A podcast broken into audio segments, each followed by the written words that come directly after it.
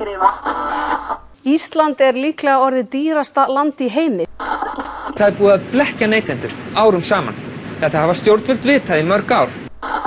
Hvaða náttúruöfl stýra því að lánin okkar hækka bara og hækka? Mörg af stærstu matvælafyrirtækjum landsins hafa notað yðnaðarsalt við framleiðslu sína. What do you think about the prices here in Iceland? They're crazy.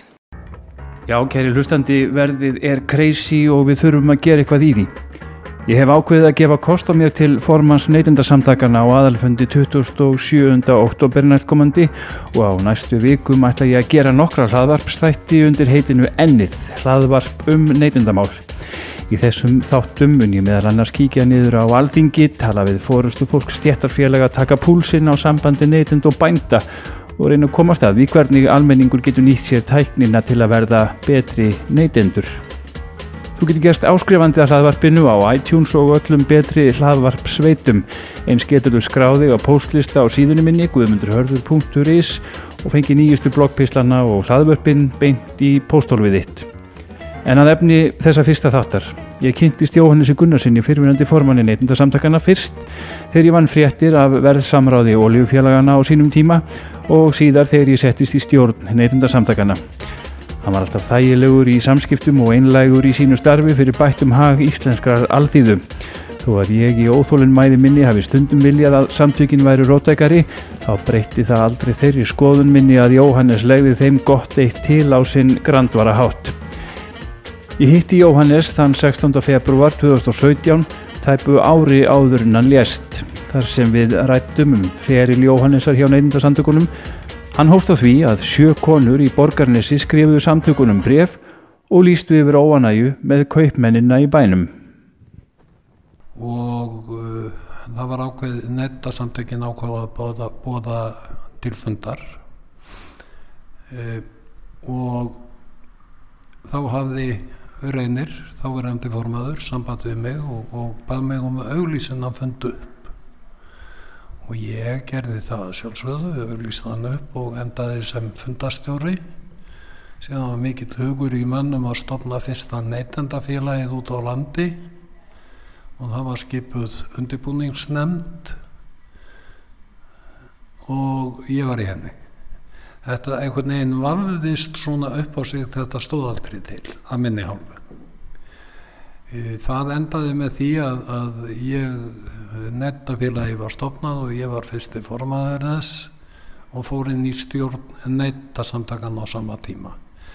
Þannig að ég myndi segja að þetta hefði verið tilviljun á tilviljun ofan að ég vegna þess að ég hefði sjálfu sér ekkert pælt í nettendamálum sem slíkum auðvitað uh, má segja að nettendur almennt séu svona uh, eitthvað að skipta sér af nettamálum uh, allavega nút í hodni að, að tala, tala ekki fallega um, um einhverja seljendur.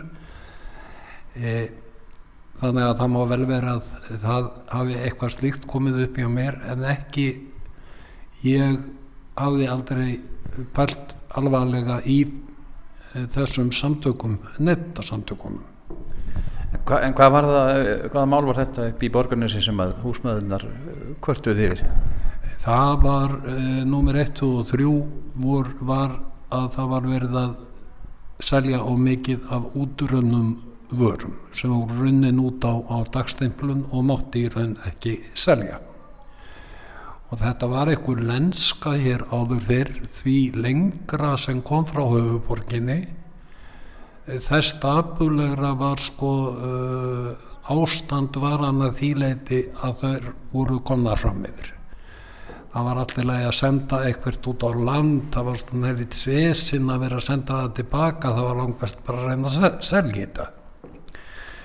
Þannig að það var, uh, það var svona aðal óanæjan en auðvitað var þá víða út á landi þá höfðum við ekki þessar maturukæðjur sem er að selja á sama verði. Uh, það voru kaufélög út um all land sem höfðu tökluhaldir í maturuvestlun og þau voru bara ekki alltaf ódyrust og þegar til að mynda en það er reyndar eftir þann tíma að uh, keðjurnar fara að koma á aðra staði og það breytist. En verðlagið skipti einni máli, hátt verðlag og útrunarvörur. Var þessi barölda bundin kannski við konur á þessum árum meira heldur en heldur en kalla? Uh, ég, ég held það og uh, til skamstíma voru hafa alltaf verið fleiri konur og félagaskrá heldur en kallmenn sem svo ég tæki sem dæmi. Já, og það voru náttúrulega húsmæður sem kiftu, úr að kaupa mjölkin eða hvað? Það voru þær sem kiftu inn. Þetta var allt annar veruleiki. Nú get, maður getur ekki farið klukkan þrjú að nóttu til út í búð eins og maður getur í dag sko ef manni uh, dettur því, það í huga að fara að vakna þrjú þrjú að nóttu til til að fara að vestla. Um, má reynda að segja að sé komið út í aukarnar einu megin en það er annar mál. Akkurat, en þetta er frólægt að, að kannski að húsmaður hafi átt svona verið drivkraftur þá í þessum, þessari baráttu á sínum tíma. Já, það er, það er voru það og það er einmitt skýrasta dæmið, þetta breyf frá borgarnesi. Það voru sjö aðeinar sem skrifuðu undir og allt voruð á konur. Akkurat. En á þessum langa tíma, Jóhannes, hva, hver er svona, er svona helstu sigratnir að þínu, þínu mati í neytindamálum? Það má nú týna margt til. Sko, ég myndi vilja nefna þarna eitt mál sem var verulega mikið uh, í fjölmeilum. Það er í kringum 83 held ég. Uh, þá var fyrirbæri starfandi hér sem hétt Græmetisvöslun Ríkisins og það var eini aðilin sem átti versla með kartöblur í heilsölu hvort sem það var frá innlendum framleiðendum eða þegar næg framleiðsla var ekki hér fyrir hendi þá var það þessi aðili sem flutti inn. Og uh, þeir fluttu inn mikið magna kartöblum frá Finnlandi sem voru uh, síktar. Nú kann ég ekki er ég ekki það mentaður sko og ég man ekki hvaða, hvaða var sem var nákvæmlega að en þær voru mengallaðar, þær voru bara eitt grötur í pókanum e, við ákváðum að bregðast við þessu með því að fá maturvestlanir til að vera með lista þar sem krafist var að þessi, vest, þessi að þessi uh, að græmitsræslun yrði lögnýður og þetta yrði bara að gefa frjálst að því marki sem umflutningssamlur á hverjum tíma leiðu. Við fórum af að stoltir, stolt frá nettasamtökunum og fundi Jón Selgarssonar þá var hann til landbúnaðar á þeirra sem tókur fálega. Svo vægt sér til orða tekið og við sáum að það átt ekki að breyta neina. Þrátt fyrir það að þið hefðu mikinn stöðning neytenda? Gríðarlega stöðning við söfnum sem undirskriftum á okkur í tveimu dögum. Hversu margar voru þær eftir? Yfir 20.000, ég mand ekki þetta er orðið það langt aðeins farið svona förlast minnið.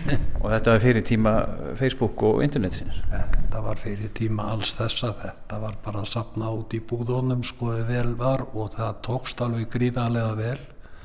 Þannig að við ágáðum að gefast ekki upp þó að Jón Helgason telti sjálfsagt að við ætum óætar kartöflur.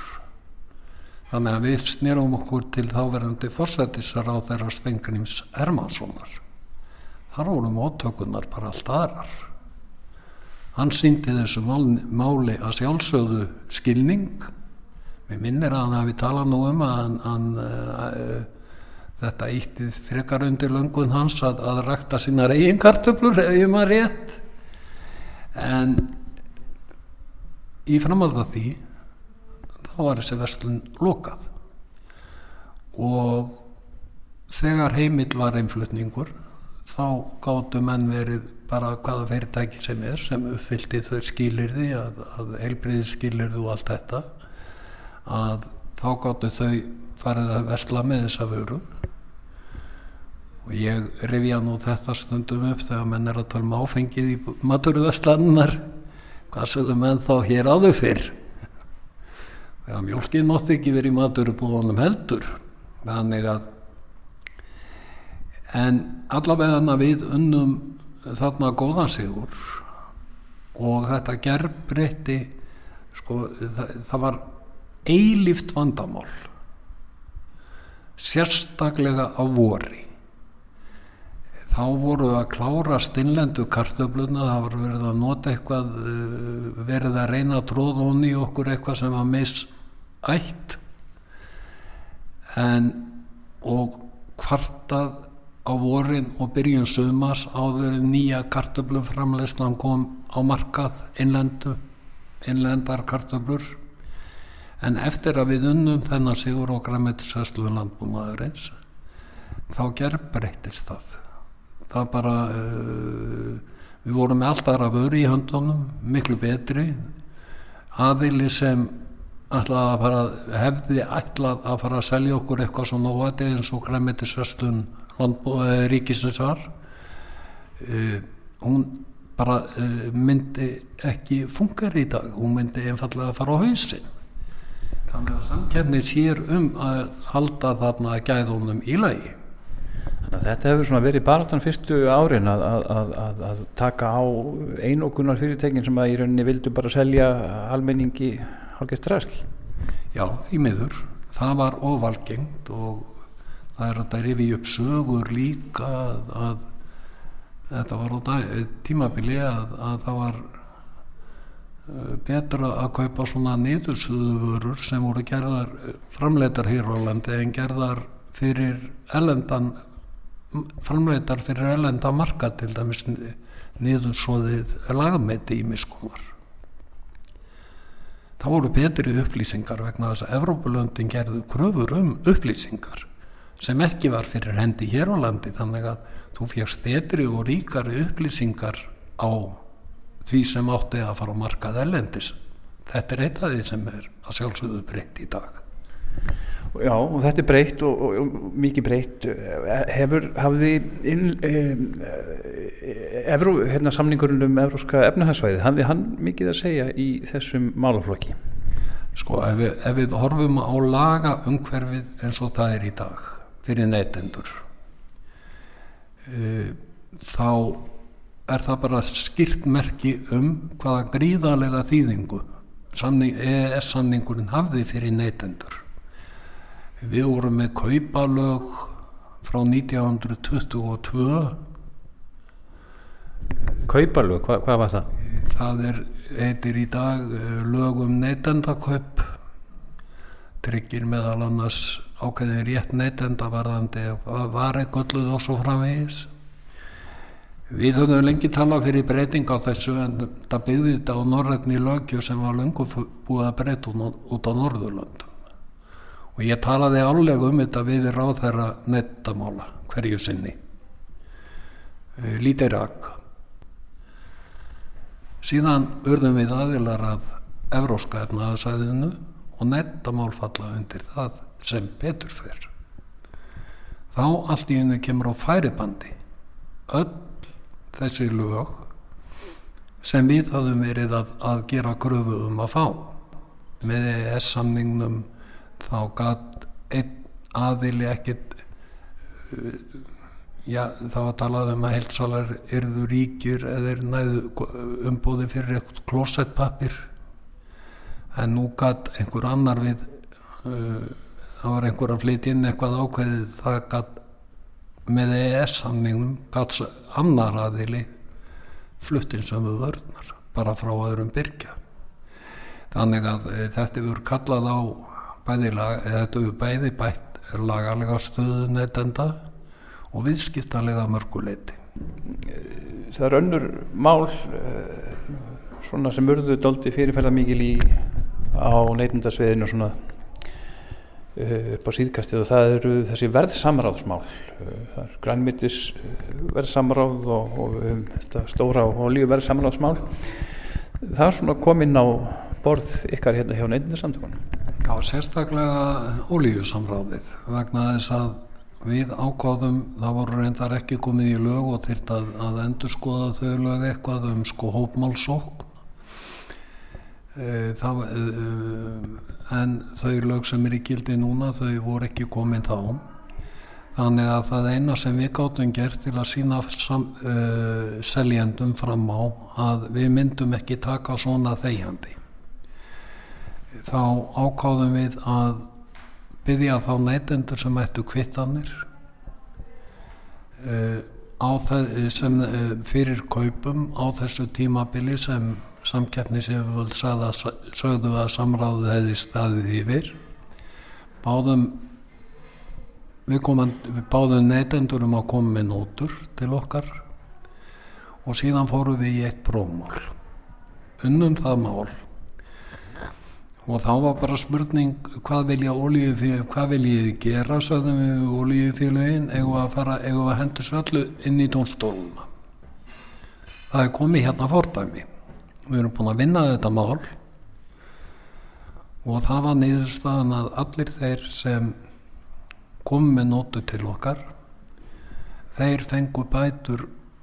Það var áætlað af uh, domstólnum hvað hefði tapast mikið sko miða við magn. Og það var bara nótu svo aðferð við að rekna út hvað olíufélögin ættu að greiða viðkomandi sem væru með nótur en þetta voru eitthvað tæplega hundra mann sem fengu bætur þarna en þarna voru við líka að segja ef að fyrirtæki sko olíufélögin voru í þannig samráði sem er talið alvarlegasta brot á samkeppnislögum sem seljendur geta framið. Þannig að þetta voru bara skilabóð við munum í öllum tilvikum sækja rétt neytenda fyrir tónstólum þannig að það er eins gott fyrir ykkur að haga ykkur sangat samkeppnislögum og síðan myndar sem betur fer. Þá er búið að herða samkeppnislögin. Þannig að ég vona að bæði harðari samkeppnislög og þessi skilabóða þessi fordæming sem var um samfélagið allt. Fólk veit það í dag að það er það er lítil vinsælt að fólk falið fyrir fyrirtæki að vera að brjóta samkennislög þau tapaði fjárhanslega og þau missa koma Þetta er einhvern veginn svona það sem við erum búin að fara yfir. Þetta sýnir svona einhvern veginn gegnum gangandi vanverðingu gagvart neytendum, bæði þetta að selja þeim eh, ónýtar vörur eh, og svo þetta, þetta verðsamráð í, á oljumarkaðu og fleiri mörguðum. Eh, þetta er svona skrítið hugarfar í, í garð neytendans, almennings í landinu. Heldur þetta sé, heldur við séum laus undan þessu okki? Ég ætla ekki að fullurða það að við séum alveg verið lausið en, en bara ef ég ber saman sko viðbröð atvinnulífsins þegar við erum með réttmættar kröfur þá hafa hlutinir breyst alveg gríðarlega. Og síðan bætist við að neytendur er orðnir harðari á sína og þeir eiga auðveldar með að koma sjónamiðum síðan á framfæri í gegnum netið og allt þetta sem þannig að þannig að ég held að að að neytendur íslenskir neytendur séu bara standist við æði vel. Nú er hérna, það er líklega fá fyrirtæki í landinu sem hafa farið verð með neytendur heldur en, heldur en bankarnir svona í gegnum tíðina nú síðast í, í rauninu 2008 um, hvernig svona líst þér á stöðuna núna? Við erum náttúrulega að borga miklu hærri vexti af okkar húsnæðislánum heldur en, heldur en aðra þjóðir og, og svo framvegis. Og, og það eru hérna, þjónustu gjöld og alls, allskynns þess aftar í böngunum sem hafa verið frekar óhófleg. Um, hvernig líst þér á stöðuna? Og, og svo nú kannski svo umræð að koma upp núna á ríkið að nýta sér þá stöðu sem að það er í núna með eignarhaldi á stónum hluta í böngum og landsbankanum öllum eða á, á ríkið að losa sig við þetta. Hvað finnst þér? Nú er ég að segja og leggja áherslu á það. Ég er að segja mína persónulegu skoðun. Ég sko eftir veldöngum og það er neyðustöða mín að að ríkið eigi bara áfram að eiga landsbankan og nota hann til að veita hinn um aðald síðan myndi ég gertna vilja sjá annan hinnabankana í eigu útletting og þá helst öflura ellendra banka. Og síðan væri hægt að selja, selja þriðja bankan hér á innanlandsmarkaði í sem einst dreifðri eignaraðild og mögulegt er. Og þá að fara ekki sömuleið og við fórum síðast þegar það var enga vætt til vina og vandamanna. Uh, ég held að þetta sé það kerfi fyrir neytendur sem myndi skila mestum árangri. En þegar við erum að tala um háa vexti hérna og háan kostnaði böngum þá erum við í og með líka að tala um hvað kostnaðin sem við höfum á krónni. Þessum litla gjaldmiðli okkar. Við munum aldrei ná vöxtum niður á til dæmis það stig sem það er út í Evrópu á meðan við sitjum uppi með krónuna sem hefur leikið íslenska heimili ansi grátt í gegnum tíðina. Sko það er talað um að það verður fórsendubrestur og vissulega var fórsendubrestur þegar bankarnir hundu. En ég spyr, var ekki líka fórsendubrestur 1983? Það, reyndi, það tímabil reyndist mér allavega nerviðara heldur en, þá er ég reyndar í, er ég með stóra fjölskytt og allt það. En 1983 þegar bara verðbólgan ætti áfram í kjálfar samninga sem var, voru gerðið við ESB og þá var svo kallaðið sigtúnsópur stopnaður þar var líka fórsendubrestur sko menn gáttu samið um einhverjar mikla launahækkanir og þær, þær voru bara farnar eftir nokkra daga. Þá, þá búið að fella gengið og Þannig að krónan hefur farið leik, leikið heimilin grátt í landinu og ég ber engan þann hug til krónunar að ég telji nöðsilegt að hafa hana áfram. Ég vil bara hafa mynd sem skapar neytendum sömu aðstæður og neytendur í nágrannarlandunum okkar búa við.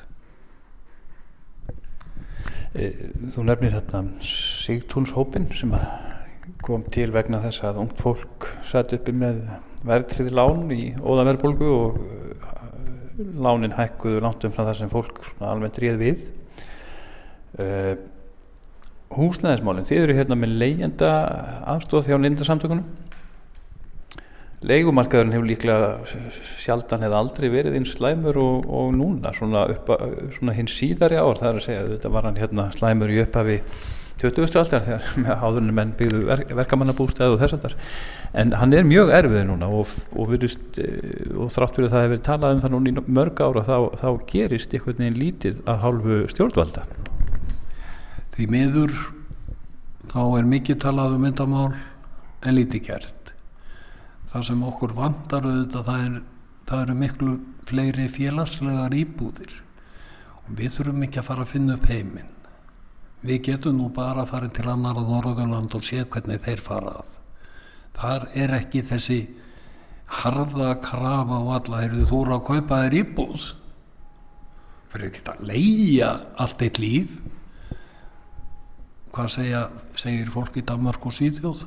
Þau búa við öryggi, þetta eru, þetta eru leigufélög, svona félagsleg leigufélög. Fólk býr við öryggi, Uh, veit hvernig húsalega mun þróast. Þannig að uh, sko vandin hér er bara offáar íbúðir frambúðið er og lítið miða við eftirspurn og þá er fólk að bjóða í íbúðir langt umfram það sem eðlilegt getur talist bara til að fá húsnæði yfir höfuðið. Þarna þarf að gera verulega skurk í því að, að uh, vera með félagslegu félag þar sem fólk býr við öryggi. Það er engin húseigandi sem kemur og segir heyrðu þú verður að fara út eftir þér á mánuði. Heldur getur og jafnvel eru hverfin byggð þannig uh, viða ellendis uh, að þar eru meist stórar íbúðu þú getur svissað eftir því sem svona fjölskyldustarð gefur tilefni til þú ert að eignast börn núna og þá viltu hafa aðeins reymra, svo eru þau farin, þá er ekki 220 fermetra að gera í sjálfa sér. Þannig að ég held að við séum ekkert öðruvís en allar þjóðir, við bara, við bara vitum það að uh, leikumarkaðurinn hefur verið mjög ótryggur hérna, hann hefur lítill og ótryggur, þar leðandi háleika og neytendur hafa búið við óöryggi og það, það er ekkert engin fjölskylda sem vill búa við óöryggi. Það vill hafa ör fastland undir fótun sér.